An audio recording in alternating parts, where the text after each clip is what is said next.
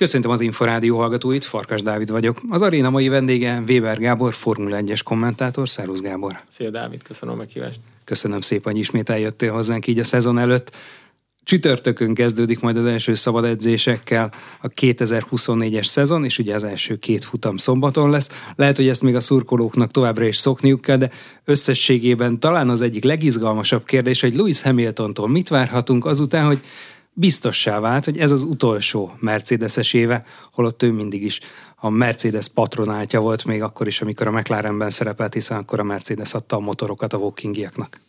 Ez egy bomba meglepetés volt egy eh, szűk hónappal ezelőtt ez a hír, amikor eh, még csak olyan kacsaként előkerült valamikor a reggel folyamán, aztán délutára már valósággá vált, illetve már akkor is valóság volt, csak még nem jelentették be.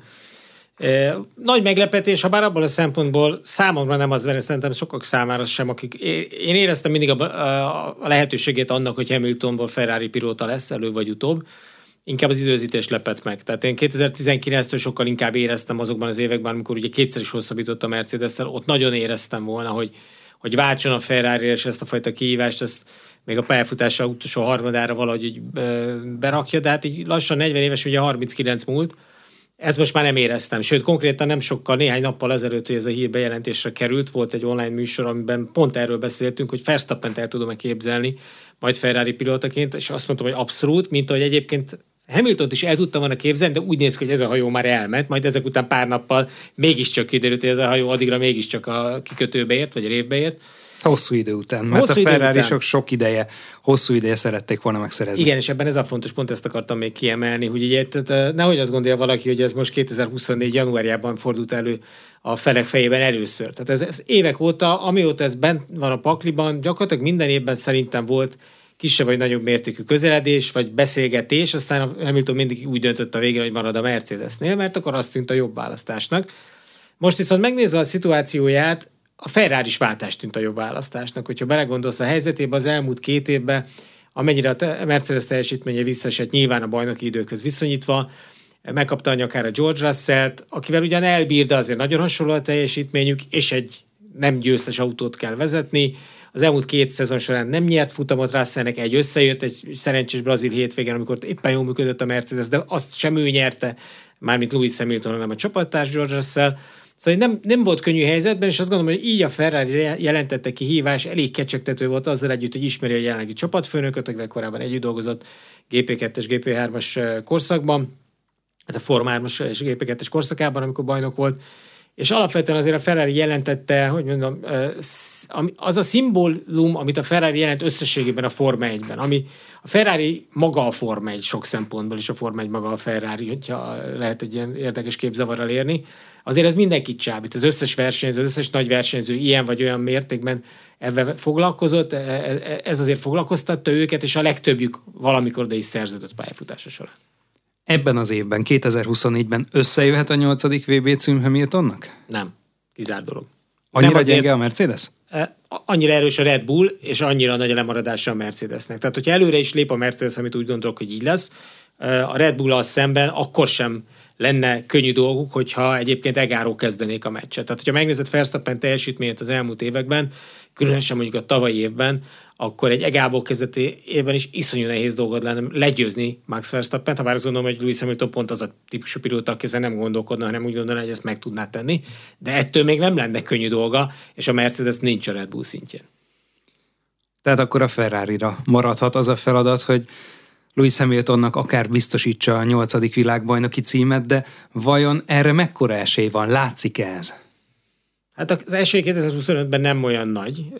Megnézve a téli teszteket, és gondolom majd erre úgy is kitérünk, a Ferrari ugyan sokat javult a tavalyi önmagához képest, de nem tudott igazán a Red Bull sarkára lépni, vagy hát ott van közeledik, és egyértelműen második erőnek néz ki, de még egy métert nem mentek a szezonban, és nem tudjuk, hogy pontosan a Mercedes hol áll, a McLaren hol áll, az Aston Martin hol áll, de az látszik, hogy a Ferrari nagyon magabiztos volt, a leggyorsabb időket kanyarították oda a teszten, de hát ez sokszor az abszolút idő nem számít sokat, és azért a számok mögé nézve a Red Bull még mindig elő van, koncepciót váltottak, tehát a, ha Ferrari második erő is, akkor Lewis Hamilton még mindig nem a bajnoki címért megy oda 2025-ben, és nagy valószínűséggel az ő gondolatmenetét is inkább az befolyásolta a gondolkodását, a sok egyéb plusszal együtt, amit a Ferrari szerződés hoz magával, és erre majd legfeljebb kicsit később kitérünk az anyagi, meg egyéb szempontokra, de hogy összességében a 2026-os szabályváltás lehet egy igazi nagy lehetőség, amikor teljesen új motorkoncepció jön, biztos, hogy fel fog borulni valamilyen szinten az erős sorrend, hogy merre senki nem tudja megmondani, hogy ez a Red Bullnak jelenthet még nagyobb lépés előnyt, a Red Bullt visszaveti, valamelyik motorgyártó kerül előnybe, nagy valószínűséggel kiindulva abból, hogy a 2014-es hibrid korszak kezdetével a Mercedes mekkora előnybe került, itt is benne van a pakliban, hogy valamelyik motorgyártó, hogyha nagyon eltalálja ezt az új motorszabályrendszert, akkor az első években jelentős előnyre tehet szert, és valószínűleg minden versenyző erre bazírozik magában, és megpróbál egy olyan erős gyári csapathoz kerülni, ahol ő úgy gondolja, hogy ott lehet egy motorelőny, és ez történetesen lehet a Ferrari akár 2026, és gondolom, hogy Louis Hamilton gondolkodását elsősorban 2026 motiválta.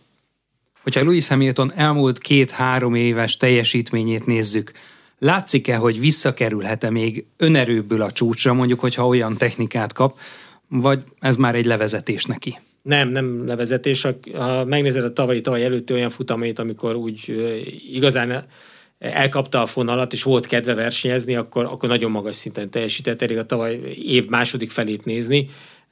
Ott a motivációvesztés úgy kicsit elpáragott, szerintem a nyári szünet jót tett neki, és feltöltődve kezdte az őszi szakaszát a bajnokságnak, és nagyon-nagyon jó versenyei voltak. Tényleg a szokásos Lewis Hamilton hozta. Csak futamgyőzelem nem volt. Igen, futamgyőzelem nem volt, mert nem volt rá alkalmas az autó, ha bár voltak elég szoros, elég közeli eredmények. Ugye például Austinban nagyon megkergette Max verstappen ahol aztán utólag kizárták, mert túl alacsonyan volt az autója.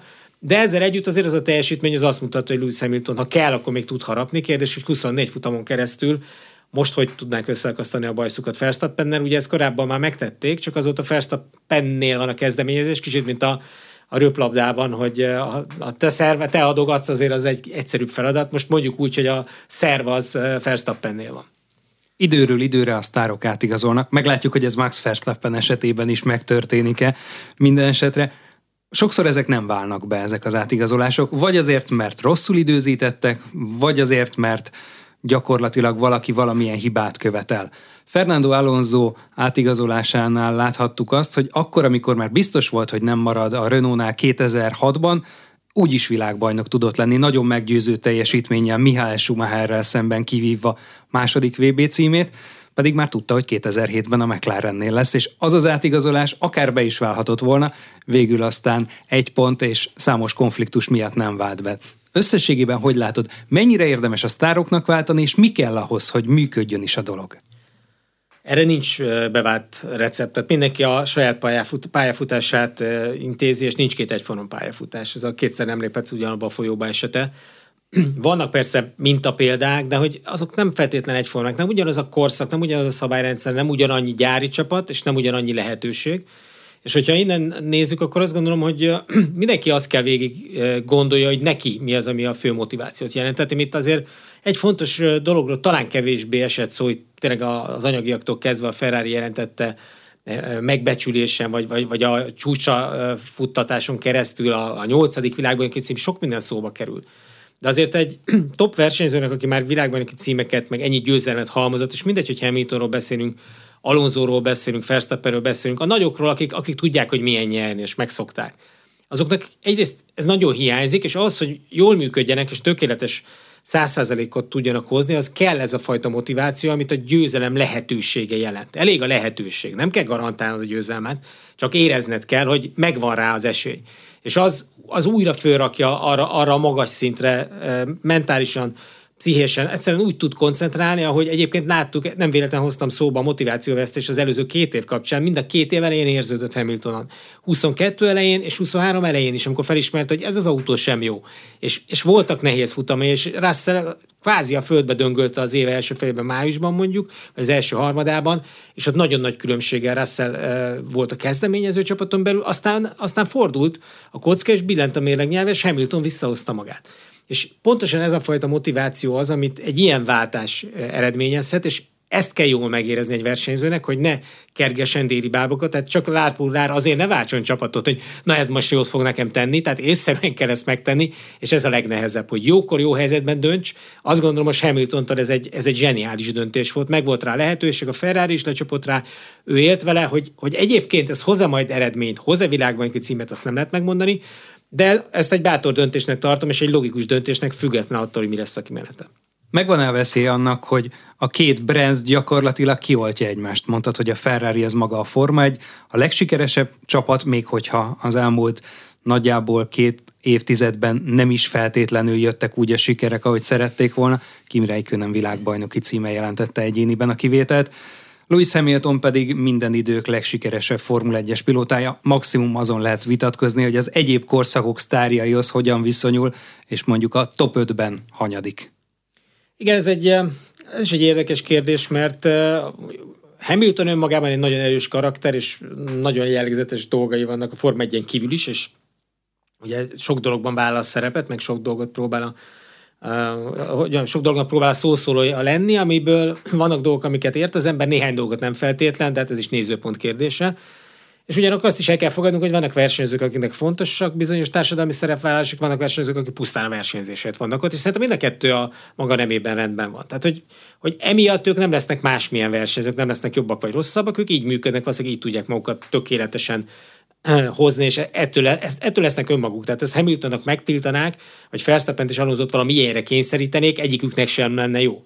És ezzel együtt viszont, miután Hamiltonnak elég hogy mondjam, határozott véleménye van úgy egyébként a világról, és meg van egy elég hangsúlyos világnézete, függetlenül attól most egyetértünk vele vagy sem, ez a Ferrari világával, meg a mitoszával nem feltétlen összeegyeztethető, összeegyeztethető sokszor, vagy a legtöbbször. És ez lesz egy érdekes kérdés, hogy mennyire tudnak ők szimbiózisban élni egymás. Ugye Hamilton már beszélt arról, hogy a Ferrari egy csomó ügyét majd támogatni fogja, és ez nagyon fontos volt számára.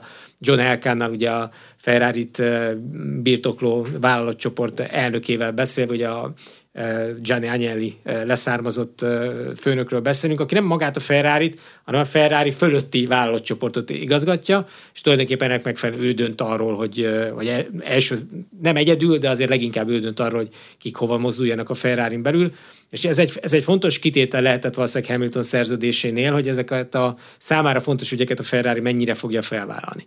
Az ez egy dolog, hogy a Ferrari ezeket megígérte valószínűleg neki, és erre biztos, hogy pénzt is kap majd ezekre a dolgokra, de azért az elsődleges a versenyzés lesz, hiszen a Ferrari-nál mindig minden előrébb van, a ver, vagy minden háttérbe szorul a versenyzéshez képest, az a lényeg. Habár egyébként minden más csapatnál, de különösen a ferrari az elmondható, hiszen önmagában, mintán a, az utcai autóik eladásai nem attól függnek, hogy milyen típusú marketing kampányt raknak mögé, mert hogy a ferrari nincs marketing kampánya, nincsenek fizetett hirdetései, számára a Forma 1 szereplés a marketing, és innentől kezdve az, hogy ott vannak és ott hogy teljesítenek, az, ami alapvetően meghatározza az ismertségüket. Tehát a világ legismertebb márka nevéről beszélünk, úgyhogy nagyon nem kell bemutatni őket. Tehát bármit megtehetnek, bármit ki is tudnak fizetni, de ők, mint cégcsoport, vagy ő, ők, mint Ferrari, azért nem fognak megváltozni Hamilton kedvéért, vagy Hamilton sem fog valószínűleg megváltozni a Ferrari kedvéért. Lesznek surlódások? Hát az elején biztos, hogy nem. Az elején mézesetek lesznek, tehát az eleje az, az mindenki számára mennybe menettel lesz, amikor megérkezik Maranellóba, amikor először látod vörösbe öltözve, amikor majd először nem kifütyüli a tifózi, hanem megtapsolja és, és éjjenzi, mert Bizarr így működik. Lesz. Bizarr, de ez így működik a világ, és láttuk már ezt számtalan példát, elég csak Fettelig visszamenni, nem is kell annyira messzire, vagy Alonzóig, de hogy ez egy érdekes felállás, és és nyilván surlódás akkor lehet, hogyha eltelik egy éve, belemennek a második évbe, és mondjuk nem olyan a Ferrari teljesítmény, amire Hamilton gondolt, és úgy csöbörbe, vödörbe került most a Mercedes helyzetéhez képest, és ugyanúgy a második, harmadik erővel versenyez, mert annál azért nagyon hátrébb nem tudom elképzelni a Ferrari-t. Viszont ezt, ezt a Red Bull-t, a, amilyen szinten most a Red Bull teljesít, nagyon nehéz 26-ig elkapni. És azért mondtam ezt, hogy a 26-os év lett a vízválasztó, és valószínűleg Hamilton is arra célozhat, mert ha ott a Ferrari előre jönne első számú erőnek, akkor ott igazából a házon belül Löklerrel kell lemecselni a dolgot, és ahhoz azt gondolom, hogy megvan Hamiltonnak jelenleg a fegyverkészlete, eh, hogy megvívjon, meg minden fegyvernemben, minden párbajnemben egyelőre föl tudja venni a versenyt Löklerrel szemben. Gyorsaságban is időmérőn? Az időmérős gyorsaság az, amivel eh, talán nem, de szerintem Lökler mindenkit megverne. Mindenkit Verstappentől kezdve, bár, bárkit mondhatsz az egész mezőnyben, szerintem Lökler a legjobb egykörös pilóta. De ezek megint csak adottságok, és tudjuk jól, hogy nem egy körön dől el a verseny. Hányszor láttuk Hamilton úgy nyerni, úgy előre végezni a csapattársánál, hogy egyébként rosszabbul kvalifikál, de, de a nagyon jó gumikezelésével és a jó verseny versenyzői agyával és a, és a jó verseny átlagával, amit verseny le tud hozni, és ebben Verstappen nagyon egyívásúak, mégiscsak be tud darálni valakit, aki előtte egy sorral vagy kettővel rajtol. Tehát ez Löklernek nem jelent életbiztosítás, de hogyha mondjuk, és Löklert is mondjuk megnézném egy olyan autóban, mivel végig tud meccselni a VB címért, mert szerintem Löklerben megvan a kurázs, és megvan hozzá a tehetség, hogy világbajnok legyen, és ezért várom ezt egy nagyon nagy mesnek és egy óriási párosításnak a Ferrari-nál, hogyha tényleg összejönne az, hogy VB címért mehetnek, hogy Leclerc és Hamilton viszonya egymáshoz képest hogy alakul majd. Hogyan alakulhat Carlos Sainz karrierje? A Sainznak most ez egy, ez egy érdekes szituáció, mert ugye most megtorpan és kikerül a, a, a nagy csapatból, ahova bekerül, de hát azért volt néhány éve, azért valljuk be, független bármitől, és Leclerc mellett ugyan hogy mondjam, nem kell elbújdokolni a szégyenében, hogy rosszul teljesített, mert nincs messze Löklertől, de Lökler jobbnál ez teljesen egyértelműen látszik. Nem sokkal, de minden mutatóban jobban teljesít Lökler. Pont annyival, hogy az egy világbajnoki matéria mutatója, a Sainz mutató pedig egy, egy jó akár egy nagyon jó autóba első számú pilótaként bajnoki címre és esélyes versenyző mutatói, de egy Lökler mellett már nem él meg, és ahogy nem él meg egy Verstappen, és nem él meg valószínűleg egy Hamilton mellett sem. Russell mellett? Szerintem ott is elhasalna, de, de nagyon kis különbsége. Tehát Sainz tipikusan az, az a versenyző, akit ha, ha ahogy Damon Hill világbajnok lett, vagy Jensen Button világbajnok lett, és egyiküket se írom le, félre ne érts. Tehát nagyon-nagyon jó pilótákról beszélünk. Tehát az egyszeres világbajnokok közé bármikor odélhet Sainz egy kifejezetten olyan autóval. Most mondok egy extrémet. Jön az Audi 2026-ban. Ha szerződtetik Carlos Sainzot, és kicsit válaszok is a kérdésedre, hogy merre lehet a folytatás Sainz számára, és az Audi csinálja a legjobb motort, a véletlen úgy hozza, hogy tökéletesen betalálnak, akkor Carlos Sainz első szám Audi versenyzőként valószínűleg tökéletes helyzetben lenne az, hogy behúzon egy virágbajnoki címet, és tudná is, hogy hogy kell megcsinálni. De ahogy párosítod egy, egy extrém jó pilótával, egy extra klasszissal, ott mindig ki fog kapni egy másfél-két tized másodperccel az időmérőn, és átlagban versenyeken is 500-addal, 800-addal, 1200-addal. De ezt egy 24 futamos szezonra levetítve, ez egy látható különbségé válik pontokban is, ezt nem tudod kontrázni. Összességében mire számít az? George Russellre a Mercedes építhet, úgy, mint vezérpilótára? Szerintem igen, abszolút megvan hozzá a tehetség, a teljesítménye, kell hozzá tapasztalat. Azért ami látszik az elmúlt évek fiataljainak a megérkezését követően, hogy most Russell Norris mondhatnak, Lökler akár, mondhatjuk a, a neveket. Verstappen azért venném máshova, mert 17 évesen már a Forma 1 volt, és nagyon korán a mélyvízbe került, tehát hiába 26 és 3-szoros világbajnok, ő már igazán a nagyobb, nagy öregek közé kezd tartozni lassan, holott még azért messze van ahhoz, hogy a 30-at is alulról nyalja. De a többiek teljesítménye az látszik, hogy mindenki piszok gyors, egy nagyon nagy generációt látunk versenyezni, erről szerintem már beszéltem is veled, hogy ezt majd 5-10 éves távlatban fogjuk tudni felmérni, hogy mennyire extrém ez a társaság, aki most a Forma 1 versenyez, mennyire sűrű, a minőség mennyire durván magasan van. Egyszerűen csak látjuk, és azt gondoljuk, hogy ez mindennapos. Közben olyan versenyzők jönnek, mennek itt, akik mondjuk egy 15-20-25 éves távlatban ha kettő-három lett volna belőlük a mezőnyben, már akkor is kompletten a VB címer mehettek volna, és oda lett volna mindenki odákat zengene. Most egyszer vannak 5-6 a mezőnyben ilyenek, de az látszik mindegyikükön, és azért hoztam Löklert, Norriszt, meg Russellt is példának, mert piszok gyorsak, kisebb csapatokban elképesztően jól mentek, vagy amikor fiatalon bemutatkoztak, rögtön nagyon magasra tették a lécet, de ahogy bekerültek, oda kerültek a győzelem kapujába, hogy már a győzelemért, a dobogokért kell meccselni, azt meg kell tanulni. Bármilyen jó vagy, bármilyen jó a veled született tehetséged, az adottságait, bármilyen gyorsan tanulsz, meg kell tanulnod a gumikkal bánni, meg kell tanulnod azt, hogy mikor támadj és mikor vegyél vissza, ez Verstappennek is némi időbe telt, és mindenkinek beletelik egy-két-három évébe, és ez az időszak, amit Russellnek az élen el kell tölteni. Most az a szerencsétlenség az elmúlt két évben nem az élen töltötte, csak nagyjából az élen, inkább dobogókért harcolva, amikor tudott, és egy győzelemmel, de abszolút értelemben nem volt esélye.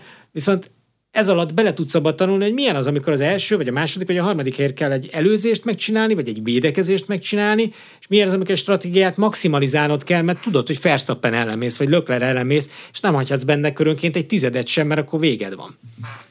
Hogyan néz ki az erősorrend a bakreni tesztek, illetve a feltételezett kalkulációk, számítások, erőviszonyok alapján Mire számíthatunk majd a szezonnyitón? Hát ugye rengetegféle becslés van, a Ferrari volt a leggyorsabb, a, ha csak az időket nézett Bahreinben, ugye mögött a Mercedes pont russell aztán meglepetésre Guanyu Joe, a Zauberrel, és csak azután jöttek a Red Bullok, de hát teljesen más keverékeken, más napszakokban. Az én számításaim szerint az összes köridőt megnézve a Red Bull azért egyértelműen az élen van, ráadásul nagyon könnyedén, és egy, egy teljesen új koncepcióval nagyon merészet húztak, és valószínűleg ez kellett is ahhoz, hogy ez az előny most meglegyen, amit most uh, láthatunk majd szerintem az évelején. A Ferrari egyébként sokat lépett előre, de ez csak arra volt jó, hogy ezt a két-három tizedes lemaradását átlagban az időmérőkön úgy tartsa a Red Bull-al szemben, illetve hát az, tavaly az év vége fele sokszor elkapták a Red Bull-t időmérőn, csak a versenyteljesítmény volt az, amivel mögöttük maradtak. Most az év elején szerintem azért az időmérős előny is a Red Bullnál lesz, de a Ferrari azért valamennyire közel került hát hozzájuk bizonyos pályákon. Inkább az időmérőn, vagy inkább a verseny? Inkább az időmérőn. A verseny megduplázódik. Szerintem ez a két-három tized, az inkább négy-öt tizedé válik a versenyen majd az év elején a Ferrari szempontjából, legalábbis Bakreinből kiindulva. Mire é. számíthatunk a többiektől? A McLaren óriásit fejlődött, igaz, nagyon méről indult 2023 elején, problémák is voltak néhány futam után, azért igencsak hát necces helyzetbe került Zack Brown csapatfőnök, és ugye Lando norris kapcsolatban is nagyon sok plegyka volt, hogy esetleg elhagyja a csapatot, és véget ér a hűségkorszak, de aztán a McLaren kijött ebből a csávából, és a dobogóért tudott küzdeni az év második felében. Most ott lehet-e a McLaren, és hogyan viszonyulhat egyébként a két Mercedes motoros nagy csapat a McLaren és a gyári Mercedes egymáshoz? Ez egy érdekes kérdés, mert az év vége fele a McLaren egyértelműen a második erő volt már a bajnokságban tavaly, és ebből úgy látszott, hogy nagy lendületben vannak, és én abszolút azt is gondolom, gondoltam eh, egész a teszteket eh, végigelemezve az utolsó pillanatig, hogy a McLaren lehet a második erő idén, de megnézem most azt, hogy hogy néznek ki, azt mondom, hogy az év eleje, az szinte biztos, hogy eh, Red Bull Ferrari sorrendel indulhat, tehát hogyha abszolút erőviszonyokat nézünk, és csak a harmadik helyre érhet oda a McLaren, ott viszont annyira szoros a, a csata legalábbis az eddigiek alapján a McLaren, az Aston Martin és a Mercedes között én egy tizeden belülre teszem őket, viszont egy elég jelentős lemaradásban a Red Bull mögött, tehát bő fél másodperc, inkább 7-8-9 tized másodpercre a Red Bull-tól. Nyilván attól függően, hogy milyen pályáról beszélünk, milyen gumikon, és hogy uh, ki mennyire felteket motorra ment a, a teszteken. Tehát az egy nagyon szoros csata lehet, részben válaszoltam is a kérdésedre a McLaren, a Mercedes, és akkor az Aston kapcsán, hiszen mind a három csapat Mercedes motorokat használ, és innen nézve az egy nagyon-nagyon komoly daráról lesz, ezért, le, ezért is lesz nehéz helyzete Hamiltonnak, mert nem csak russell megküzdjön, hanem Alonsoval is,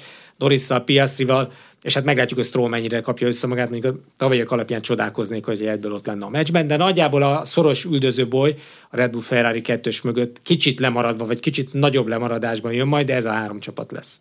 A kis csapatok között hogyan alakulhatnak az erőviszonyok? Van-e egyértelmű nyertese a tesztszezonnak, illetve az elmúlt néhány hónapnak? Egyelőre nincs, és az az, az érdekes helyzetet elő, hogy ott is teljesen összetömörödött a mezőny, tehát az első ötöst követően a második ötös szinte teljesen együtt van, és azt kell mondjam, ha már kis csapatokat fogalmaztad, hogy a gyári Alpin, akik gyakorlatilag a Renault gyári csapata Alpin néven, egyelőre utolsónak néznek ki. Tehát, hogy nem, hogy előre léptek volna a tavalyi hatodik helyről, hanem mindenki más, aki mögöttük volt, az egyelőre előttük tűnik, aztán lehet, hogy az évközbeni fejlesztésekkel szép lassan azért ahogy illik is egyébként egy gyári csapatra, azért be fogják darálni a, a privátokat. De hát egy hatodik hely azért az Alpinnak nem lehet igazából cél.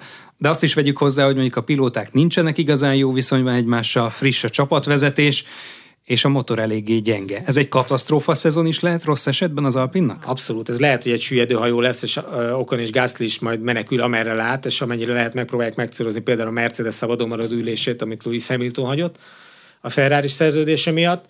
Mm, ez egy érdekes helyzet, mert két, szerintem nagyon jó pilótájuk van. Tehát például pilótafronton nem igazán érheti szó a ház elejét. Legfeljebb az, hogy mondjuk Okon nem túlságosan szereti a csapattársait. Igen, de ettől függetlenül a teljesítmény ezt nem látod. Tehát nagyon ritkán lépnek egymás csuk szemére, és azért alapvetően azért kell behúzzák az eredményeket. Ha megnézed a tavalyi két dobogójukat, Monakóban Okon olyan hétvégét rittyentett, hogy azért azt azt már lehet mutogatni tíz év múlva is, hogy azért ez egy ilyen autóval, ilyen csapatnál azért ez egy extra teljesítmény. Gasly is hozott tavaly egy dobogót. Szóval szerintem őket nem nagyon lehet megszólni, ők kihozzák a maximumot. Itt az, az autó, a fejlesztő, a technikai háttér, a csapatvezetés hiánya, most megint ugye egy csomó új ember a csapat élén össze-vissza variálják magukat, nem igazán találják az irányt, abban most picit lenyugszani látszanak a kedélyek, de ebben mindig benne, hogy az elején egy kicsi időt kell nekik hagyni, és pont ezért is gondolom, hogy ők most nem hazudják azt, hogy rosszul állnak, ők tényleg rosszul állnak. Tehát az van, ami látszik, és nem is nagyon próbáltak ezt színezni. És ehhez képest mondjuk hozzájuk képest, akik örülhetnek, az Zauber mindenképp, akik ugye most már az Alfa Romeo-ből vissza vedlettek Zauberé, vagy hát kik Zauberé, de hagyjuk is a szponzori neveket, mert van belőle elég. Szóval az Zauber most két évig Zauber gúnyában megy, aztán lesz belőle Audi, és ők egyértelműen előre léptek. Ugye James Key visszaérkezett a csapathoz, hosszú kerülő út után, és az egykori csapatánál tervez megint technikai igazgatóként. Azért voltak mellényúlásai, de a nagyobb nevek közé tartozik, és nagyon tapasztalt technikai igazgató, pedig még mindig fiatal. Ő azért itt hozhat változást, és ez az autó egyébként nagyban változott a tavalyihoz képest, elég jó irányba, ráléptek arra az irányba, amit a, amit a Red Bull diktált tavaly, és abból meghoz, megpróbáltak kihozni a legtöbbet, legalábbis ránézés elég merész az autó, sokkal inkább egyébként, mint például az Alpin, és náluk látszott is a fejlődés, ha bár ugye ez a végén a Joe által futott negyedik legjobb idő, azért az egy elősen optimális, az utolsó pillanatokban a leglágyabb, vagy az addig futott leglágyabb keverékükön elérhető időmérő szimuláció volt. PR-kör. Így van. Egy, egy, egy olyan aranykör, amivel úgy megmutattad magukat, megmutatták magukat, hogy nagy gyerekek itt van, egy picit a motivációt a csapaton belül is feléreztetik, de az Zauberre mindenképp számolni kell a középmezőny elejébe. Tehát vagy úgy fogalmazik a követőboly elejében, most egyértelműen az látszik, hogy ketté szakad a mezőny, az első ötös és a második ötös, és az első ötösön belül is ugye a Red Bull és a Ferrari jobban ellépett. Az Zauber mellett egyébként még akiket pozitív szempontból kell kiemelnem, azok a ház, akik maguk is azt mondták, még januárban az autó bemutatójakor, hogy ők az utolsó helyre várják magukat az év elején, nagyon el vannak maradva, nem állnak jól, nem értették meg gumikopás problémákat. Ehhez képest nyilván egykörös tempóban tavaly sem voltak rosszak. Emberek számtalanszor be, eh, be tudott jutni a Q3-ba, és most is az látszott egyébként a tempójukon, hogy ott vannak az Zauberrel, az egykori Alfa akik most már idén ugye RB, vagy hát Viza RB néven versenyeznek, és a Williams-szer együtt, sőt, tehát az Alpint még ugye soroljuk azért oda bármennyire a végére rakom ennek a listának, vagy sornak őket. Szorosan együtt ez a brigád, és ez azért meglepő, mert ugye azért, ahogy befejeződött az év, az Alfa Tauri volt egyértelműen jó lendületben, és a Williams épp hogy megmentette a hetedik helyét, és ebből azt gondoltuk volna, hogy a, a Red Bulltól még több alkatrészt átvevő testvércsapat biztos, hogy előrébb fog lépni. Ehhez képest most a teszteredmények alapján inkább az látszik, hogy maradnak ott küzdelemben nyilván szorosan, de, de egyelőre nem tudnak elhúzni ettől a követő bolytól. Sergio Perez szerepe a Red Bullnál mindig kérdés, van, aki azt mondja, hogy nem lenne már ott a helye a csapatnál, hiszen óriási a hátránya Max Verstappenhez képest. Hogy látod, mennyire alakulhat ez, közelebb érhet-e, és egyáltalán mennyire reális cél, hogy még mindig VB címről álmodjon a mexikói? Nem reális mm, cél számára szerintem a világban cím, de ezt nehéz versenyzőként lenyelni ezt a békát. Tehát úgy egy évnek neki, hogy úgyse tudok nyerni, nem lehet, és valószínűleg a motiváció fenntartáshoz az kell, hogy mégiscsak valahol titkon bíz benne. A legjobb autó ő alatta lesz. Ez egyértelmű. A másik legjobb autó alatta lesz legalábbis az eddigiek alapján. Mm, azt gondolom, hogy Perez akkor jár jól, hogyha megpróbál így, hát nem, hogy futamonként menni, mert az meg túl kis szeletre vágja a 24 eh, futamos szezont, mondjuk hogy hármasával, tehát ami még úgy belátható távolság, és azt mondja, na, akkor következő három versenyt fejben megpróbálom úgy, úgy bevonzani, rákoncentrálok ezekre a pályákra, mik az erősségeim rajta, egyáltalán a nekem fekvő pályák. Az évelén szokás szerint jönnek a neki fekvő pályák, ugye május végéig, június elég általában azért a nagy részét lefutják azoknak a versenyhelyszíneknek, ahol, ahol ő nagyon jól érzi magát. E, illetve most Baku átkerült e, a szezon második felére, tehát ott lesz egy billenés kicsit a mérleg nyelvén, de hogy ebből azért mindenképp egy erős szezon kezdetet kell hozni. Abban is bíznia kell, hogy talán verstappen történik valami. Ez nem szép dolog, de versenyzőként ez megbocsátható, hogyha belül magadban benne van egy olyan is, hogy hát lesz egy kiesés, hát elront valamit, vagy megállattad és akkor hozhatok rajta akár 25-26 pontot, és akkor azt már el kell kezdeni valamilyen szinten beosztani, még akkor is, hogyha egyébként arányaiban többször kapok ki tőle. Amire nagyon kell Perez figyeljen, hogyha Verstappen mögött is ér célba, mindig mögötte érjen célba. Tehát a második helynél ne végezzen rosszabb pozíciókban, mert onnantól jönnek a nagyon nagy lemaradások. A nagy szakadék ott kezd kialakulni, amikor befér elé még egy, vagy kettő, vagy három másik autó. Ahogy és tavaly nem egyszer, ugye a rossz periódusában gyakorlatilag az év közepén, hogyha Igen. ezt egy egynyújtott középső résznek tekintjük, amikor Perez az időmérőkön gyengelkedett, volt olyan, hogy a Q3-ban nem jutott be egymás után hosszú futamokon keresztül, hosszú verseny hétvégéken keresztül, és ugye végül, ha nem is volt igazán közel hozzá Hamilton, de azért mondjuk az ősz elején még megvolt az esély annak, hogy Perez nem is lesz második. Abszolút. Neki abszolút a saját, saját maga által kitalált módon kell a lehető legtöbb esélyt meg magának arra, hogy talán harcba lehessen a virágban címért. Szerintem így a legpontosabb a megfogalmazás. Tehát, hogyha kart ki kart, neki akar menni Verstappennek, az pont olyan, mint amit neki akarnánk menni valamelyik nehézsúlyú boxolónak. Tehát valószínűleg esélyük nem lenne, két ütés bevihetnénk, az se rengíteni meg őket. Pereznek okosan kell játszania, az okos játék pedig az, hogy megpróbálja maximalizálni a saját jó pályáit, és ott a lehető legjobb eredményt elérni, és megpróbálni megverni Verstappent, hogy tavaly Bakuban meg tudta verni Kiki meccsben, de az egy volt az egész szezon során. Ugye a Jeddah győzelem az már Verstappen időmérős, technikai gondjának volt köszönhető, de azt is be tudta húzni. És ezeken kell úgy végigmennie, hogy amikor lehetősége van rá, maximalizálja, behúzza a győzelmet, és a rossz hétvégéin, vagy a kevésbé fekvő hétvégéken pedig valahogy a második helyre fölérjen, mert így matematikai szempontból nagyon sokáig életben tarthatja az esélyét, és elég egy Verstappen kiesés, amivel nagyon gyorsan megint csak sok pontot hozhat rajta. Ezzel előre egyébként nagyon nehéz kalkulálni egy 24 futamos szezonban, de máshogy szerintem ezt nem lehet lejátszani csak így, ha Perez szempontjából nézem. Lehet-e olyan helyzet, hogy kirúgják szezon közben? Nem, nem tudom elképzelni. Tehát ahhoz annyira alul kéne teljesítenie, hogy másodperceket kéne kapjon az időmérőkön, és, és nem, hogy a második helyeket ne hoznia, hanem dobogókra sem feljutni, és mondjuk az összetetbe visszaesni negyedik, ötödik, hatodik helyre, akkor el tudom képzelni, hogy annyira elszakad a célna a Red Bullnál, hogy akár közben a nyári szünetet követően lecserélik. De hát ennyire nem rossz Perez. Ennyire viszont nem rossz Perez, pont ezt akartam mondani. Tehát még mindig azért az ő átlag áll a legközelebb Verstappenéhez, még akkor is, ha nincs hozzá közel, ugye 5-6 tizedes átlagos lemaradásban az időmérőkön, de azért, amikor ott a helyzet, azért biztosan hozza a pontot, maga biztos pontszerzés, ez a legfontosabb egy csapatnak, egy nagy csapatnak, hogy bármi történik, a másik versenyzőt hozza a pontokat. Ne, el, ne eldobja, ne e, minden második versenyét végén szerezzen csak pontok. Ne csak a nagy pontokat szerezze meg, azt szerezze meg, amit meg lehet, de az biztosan 10-ből 10-szer. És azért Perez, Perez erre jó, egy kicsit hatékonyabbá kell tennie a pontszerzését, hogy, hogy masszívabb pontokat szerezzen, de hogyha ezt megteszi, akkor nem, hogy a 24 befeje, 24-es befejezés kérdés számára azt gondolom, hogy egy picit közelebb tud kerülni Verstappenet, és csökkenti az átlagos lemaradását az időmérőkön, és sokkal biztosabban hozzák vele a konstruktori címet, akkor a 25-ös folytatás sem elképzelhetetlen számára. Hogyha nem maradhat, akkor kikerülhet a helyére. Ki lenne a legjobb Max Verstappen mellett? Ez egy, ez egy jó kérdés, hiszen sok embert el tudnék képzelni mellett. Ugye Norris nem jöhet szóba, mert hosszabbított a McLarennel, Leclerc nem jöhet szóba, mert hosszabbított a Ferrari-val. Sainz visszakerülhet? Sainz akár vissza is kerülhetne, bár ők legendásan nem voltak jóba egymással. Hát két dudás egy csárdában esete fiatal, ugye egymás mellé kerülve a Toro Rosszónál 2015-ben. De azóta sok víz lefolyt a Dunán, meg az összes többi folyón, és tíz év távlatból, tíz éves, tíz éves távlatból lehet, hogy Sainz helyébe elgondolkodnék rajta, hogy hát egy fene mégiscsak megpróbálom fölni Verstappen ezt jut a saját csapatába, de azért egy olyan autóba ülhetnék, ahol azért komoly esélyeim lennének arra, hogy akár nyerjek, úgyhogy ez benne lehet a paklima. Kérdés, hogy ezt mennyire akarja a Red Bull bevállalni. Ennél nagyobb esélyt látok arra, hogy Albon legyen az, aki visszaül, aki megint csak visszaül, ott megint csak lehetne egy ilyen visszatérés. Visszaülhet Daniel Ricardo?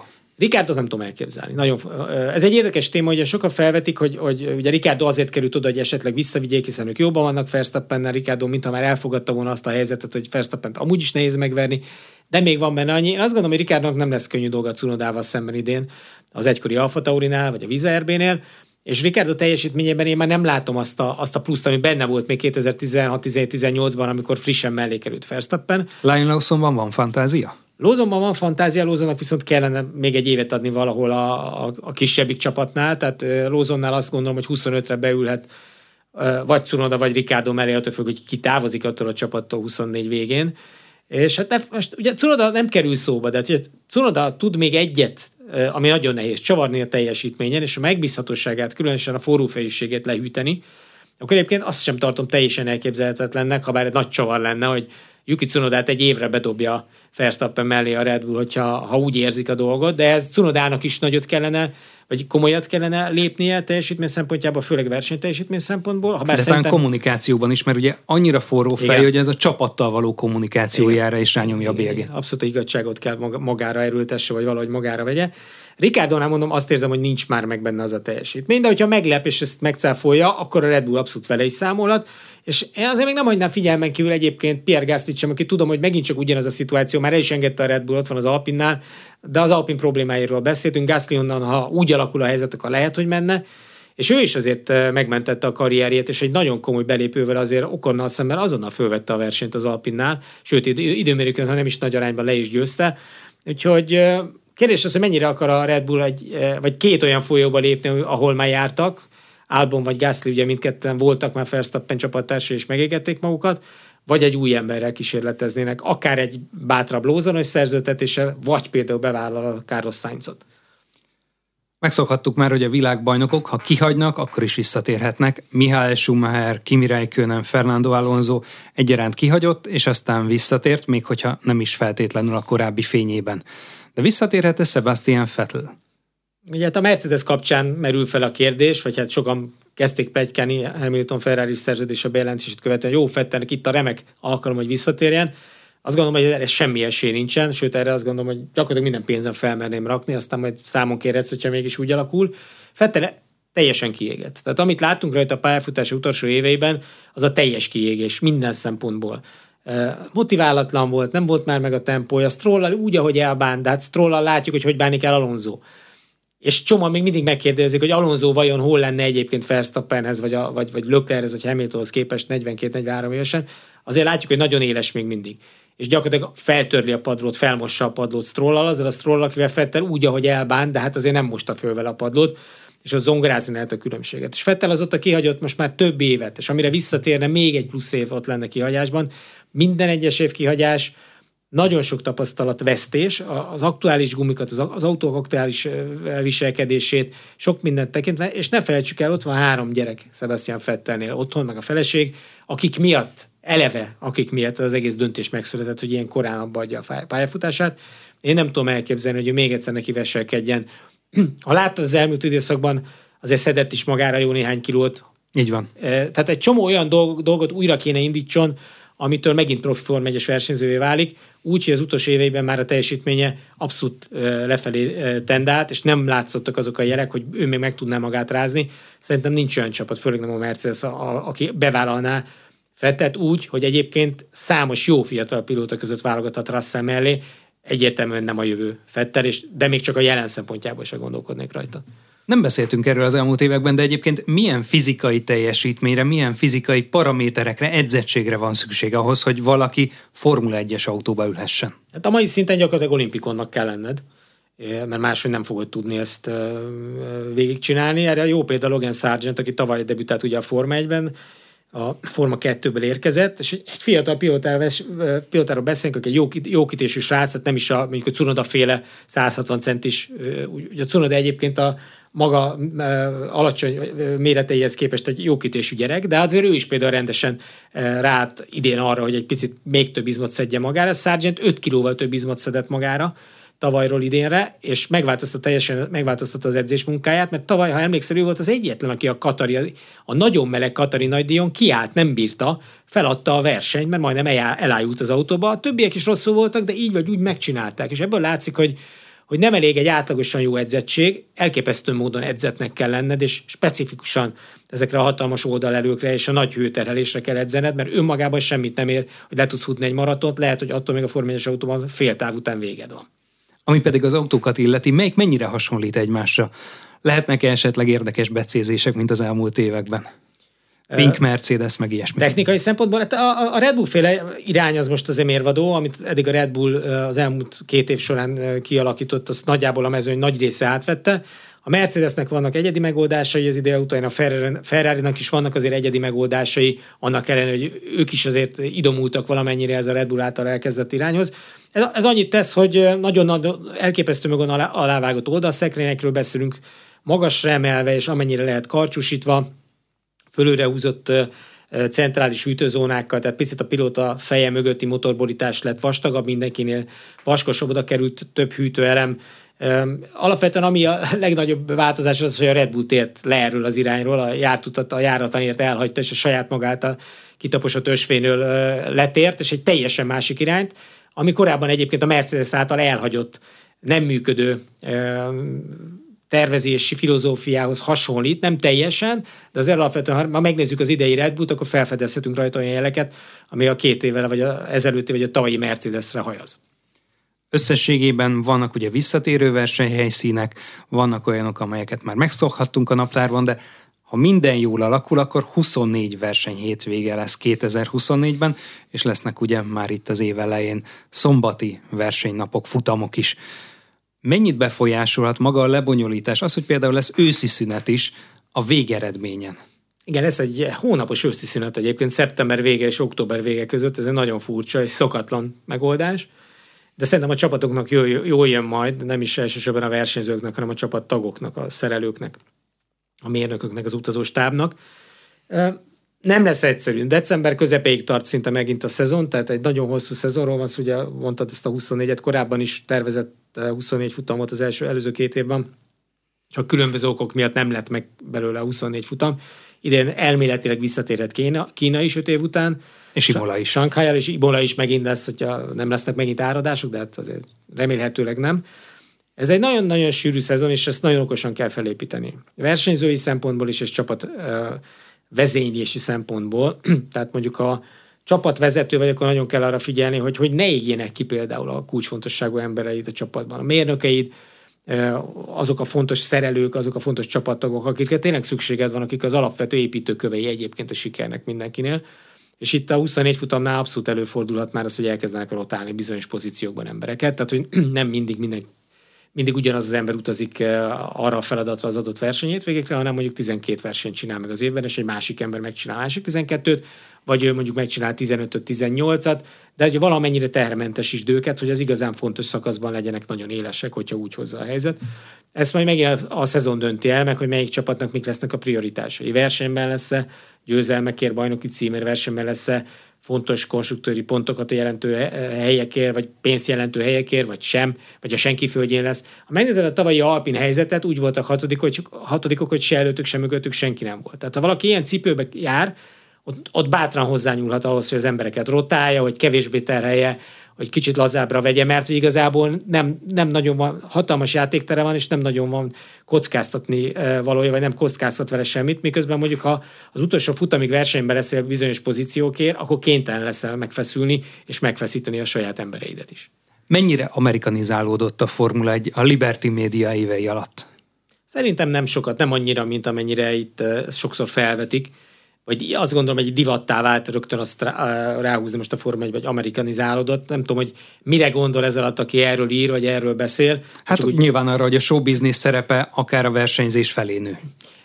De ez miben nyilvánul meg? Tehát a versenyeket ugyanúgy megtartják, ugy, ugyanaz a versenytáv, ugyanúgy pontozzak, sőt, több futam van, mint eddig. Tehát, hogyha azt nézzük, hogy mi jelent többet, több verseny van, mint eddig bármikor, tehát akkor többet számít a sportérték, hiszen még több futamot megyünk, és nem azt mondták, hogy csapjunk egy tíz futamos szezont, és a másik tíz futam meg divat bemutatóról szól, meg tűzi, játékoz, tűzi játékozunk, és a versenyzők overáját fogjuk pontozni. Las Vegasban ugyanakkor elég sok a show elem, de hát nem is várhattunk más. Igen, a, a, arra szerintem egyébként kárvitát nyitni, hogy a Liberty Media, Media azzal növeli a Forma egy értéket rettentő módon, amióta átvették az irányítást, és különösen az elmúlt négy-öt évben a, a Covid-dal kezdődően érdekes, pont a Covid hozott egy olyan töréspontot benne, ami, ami pozitívá vált, eh, pedig az nagyon nagy veszély volt az sok csapatra nézve, de mégis eh, ezt nagyon jól meglovagolták, szerencsésen jöttek ki belőle, azóta elképesztő módon nő a nézettség, eh, a televíziós nézettség, meg a helyszíni nézettség is, és, és egyre nő a bevétel, ami az elsődleges célja a csapatoknak is természetesen, hiszen abból élnek és abból gazdálkodnak. Ha innen nézzük, akkor persze egy csomó olyan show elem belekerült, a Drive to Survive ugye már hatodik évada megy, nemrég mutatták be azt a hatodik évadot, egy csomó olyan dolog van, ami korábban nem volt Bernie Eccleston idejében. Na de hát a kérdés az, hogy ez jó vagy rossz. Az ízlések és pofonok, mert hogy kinek mi kinek a pap, kinek a papni. Tehát egy csomóan szeretik a Drive to Survive-ot, csomóan ki nem állhatják. Csomóan nem tudják a helyén kezelni, csomóan teljesen komolyan próbálják venni, ezt nem lehet. Tehát ez, egy, ez valahol egy mese, ami megpróbálja ezt a sorozatot bemutatni, de főleg az új belépőknek szól, annak íródik, hogy, hogy elkapja egy csomó ember ennek a hangulatát, hogy megszeresse ezt az egészet. Ki kell kicsit színezni a sztorit. Remélem, amikor elmegy valaki a moziba, akkor nem vesz minden filmet komolyan, vagy egy, egy dokumentum reality sem vesz teljesen száz százalékra. Ettől még azért nagy részt a valóságot tartalmazza. És az, hogy ez hogy prezentálja a Liberty, az eltér attól, hogy Bernie Eccleston prezentálta, de számtalan pozitív dolgot is mondhatnék szemben azzal, amit sokan mondjuk soknak éreznek, vagy túlzásnak éreznek az amerikai prezentálás szempontjából. Én is megmosolygom ezeket a speakerek által bemutatott versenyzői bevonulásokat hatalmas üvöltözések keretében, meg konfettivel, meg mindenféle csillagszóróval meghintve, ez mind porhintés és mind csak a körítés. Előre kell tudni csupaszítani a lényeget, ami ott van. Ugyan ott van, és szerintem mindenki megtalálja ebben a, a magának fontosat. A Forma egy nem veszett el, csak egyszerűen egy picit máshogy öltöztetik. Számomra egyébként ugyanúgy megvan a, a, a lényege, mint eddig megvolt. A hungaroringi versenynek milyen szerepe lehet hosszabb távon a Formula 1-ben, a Liberty alatt? A form, szerintem a hungaroringnek jól áll a szénája most is, ugye az átalakulás az zajlik. Most is, 2026-ra újul meg teljesen a pálya, gőzerővel teljesen felbontva minden, nem tudom, láttad, de most talán kim voltál azon a sajtótájékoztatón, amikor ugye a két alagút látszik éppen, amit a célegyenes alá fúrnak, mert hogy megszűnik a közlekedő híd és két közlekedő folyosó vagy alagút lesz a pálya alatt, ahogy a modern pályákon ez már megszokott, és egy csomó minden megváltozik, most bele sem mennék, mert nem lenne elég rá egy másik adás időnk sem. De hogy alapvetően a Hungaroring nyilván hosszú távra készül, és ez is volt az elvárás, ezért is jönnek ezek az átalakítások, hogy, hogy sokáig a Forma 1 legyen. Én azt gondolom, hogy 2036-ig rendben leszünk, a szerződés jelen pillanatban nem szól még 2036-ig, de, de az ígéretek igen, és azért általában, amit a, a Forma 1 megígér, az úgy is van, és a, a jó kapcsolatok azért különösen sokat számítanak. Itt azért a nagy meglepetés szerintem nem érhet minket ilyen szempontból, hogy hirtelen elveszítjük a magyar nagydíjat, és egy ennyire megújított és modernizált pályán szerintem, ha megnézed a mostani szerződés hosszakat, általában azért tíz évekre kötnek most már új pályákkal, úgyhogy nem hiszem, hogy a Hungaroringnak ilyen szempontból mondjuk középtávon félni valója lehet. A helye az rendben van. Még ha egy kicsit előrébb is jött, ugye a belga nagydíj lett a Holiday Grand Prix, de legalább ebben az évben nem ütközik a nyári olimpiával. Abszolút, és hogyha megnézed a versenyzőket, egyébként nagyon szeretik a Hungaroringet. Tudom, hogy egy kicsit még azt gondoljuk, hogy mindenhol hazabeszélnek, és mindenhol mindenhol rendezőnek elmondják, hogy mennyire szeretünk idejönni, de ez nem így van, ha megfigyeled. Vannak pályák, ahol, az átlagnál sokkal többször szóba kerül, és meg, ha a napokban ment le pont Max Verstappen interjúja az M4 sporton, és ott is szóba hozta, hogy mennyire szereti a Hungaroringet, és a, úgy van ideje, akkor eljön ide akár GT autót vezetni, vagy más típusú autót, mert annyira technikás, és egy csomó minden dologra megtanít, és ezzel abszolút egyetértek, nyilván számtalan kört megtettem magam is a Hungaroringen már a versenyzői pályafutásom alatt, és, és a versenyzők ebben abszolút egyetértenek. Tehát vannak pályák, amiket jobban kedvelnek, nem biztos, hogy ezek a jobban versenyezhető pályák, vagy a nézőként jobban élvezhető pályák, de a versenyzőnek csak a számít, amit ő belülről érez, és ilyen szempontból a Hungaroring biztos, hogy ott van a, a, az első harmadba, hogyha dönteni kellene a versenyzőknek. A különféle Formula 1-es technikai fejlesztések az elmúlt években mennyire kerültek át az utcai autókba? Kevésbé, mint korábban, vagy máshogy, mint korábban, hiszen az utcai autózás is nagyon megváltozott. Ugye abszolút az elektromos irányba megyünk, ha bár most megint jön talán egy nagy kézifék behúzás pont a napokban jelentette be a Mercedes, hogy szakít ezzel a 2030-as csak elektromos autós gyártási tervével is tovább folytatja a dízel és a benzines motorok fejlesztését, és szerintem rengeteg más autógyár dönt majd így, mert hogy egy abszolút hibrid jövő jön, ami nem csak azt jelenti, hogy a hibrid motorok lesz a jövő, hanem mindenféle motorok lesz a jövő. Jövő a belső égésűtől az elektromoson át, akár a hidrogénhajtásig jön majd itt még egy csomó minden, ugye a tüzelőanyagcella, és aztán a szintetikus üzemanyagok is, szóval nem tudjuk, hogy merre vezet az iparág jövője, az autóipar jövője úgy egészében, és ennek megfelelően ez egy nagyon érdekes kérdés, hogy mi az, amit át tudnak vinni a Forma 1 technológiailag. Azt gondolom, hogy ami egyébként megvalósítható, és átmenthető, azt ugyanúgy az autógyártók azért átviszik, és abból profitálnak. Ha nem is egy az egyben, nem is ugyanazokat a megoldásokat, de azokat a technológiákat, amiket kidolgoznak a Forma 1-ben, akár súlycsökkentésre, akár a belső égési motor optimalizálására, még jobb volumetrikus hatásfok elérésére, és a többi, és a többi, meg a termikus hatásfok elérésére, az biztos, hogy bevetik. És itt vagy ott, meg amott te már vezeted, vagy holnap-holnap után vagy azután vezetni fogod, és ugyanúgy a hibrid rendszereknek az elektromos megoldásait, hajtáslánc megoldásait, meg az elektromos autóparkjukban fogják, vagy a hibrid hajtásláncaiknál fogják kamatoztatni, tehát bizonyos formában most is lepereg, lecsorog oda, de nem annyira közvetlenül, mint mondjuk 20, 30, 40 vagy 50 évvel ezelőtt. Visszatérve a 2024-es Formula 1-es szezonra, van-e érv Max Verstappen ellen? Nincs nem tudnék olyat mondani, hogy miatt ne Max Verstappen lenne a világbajnok, ha csak nem sérül meg évközben, ahogy mondjuk Lance Stroll tavaly eltölt a csuklóját, kerékpározás közben, vagy bármilyen balesetet szenved. Nyilván nem kívánom neki egyik versenyzőnek sem. Tehát, hogyha minden rendesen lemegy, akkor, akkor nagyon-nagyon merész dolog lenne Max Verstappen ellen fogadni. Tökéletes formában van, elképesztő magabiztossága a versenyhez, és azt gondolom, hogy idén is a legjobb autóban ül, úgyhogy maximum kihívói lehetnek néhány futamon, de egy egész szezon tekintetében szerintem senki nem tudja felvenni vele a versenyt. És van esély arra, hogy felülmúlja a szenzációs 2023-as évét? Mindannyian, mindannyiunk érdekében abban bízom, hogy nincs, mert akkor egy izgalmasabb szezon elében nézünk, ha csak néhány futamon is, de akkor meg tudják szorongatni és meg tudják venni Verstappent, és akkor nem lesz ekkora győzelmi sorozat, mint a tavaly. Ugye 19 futamot nyert a 22-ből, a Red Bull meg csak egyet engedett el összesen, hogy a Sainz nyert Szingapurban. Azért abban bízom, hogy legalább 4-5 futamot mások is el tudnak csípni a Red Bull elől, de még az is 18-19-20 Red Bull futamgyőzelmet jelentene. De hát egy ilyen korszakot járunk, megkaptuk ugyanezt Mercedesből, korábban Red Bullból, azelőtt a Ferrari-tól, most megint egy Red Bull korszakot élünk, 2026 lehet a megváltás. Köszönöm szépen, Gábor. Én is köszönöm. Önök az elmúlt szűk egy órában Weber Gábor Formula 1-es kommentátort hallották. A műsor elkészítésében Módos Márton főszerkesztő vett részt. Most megköszöni figyelmüket a műsorvezető Farkas Dávid.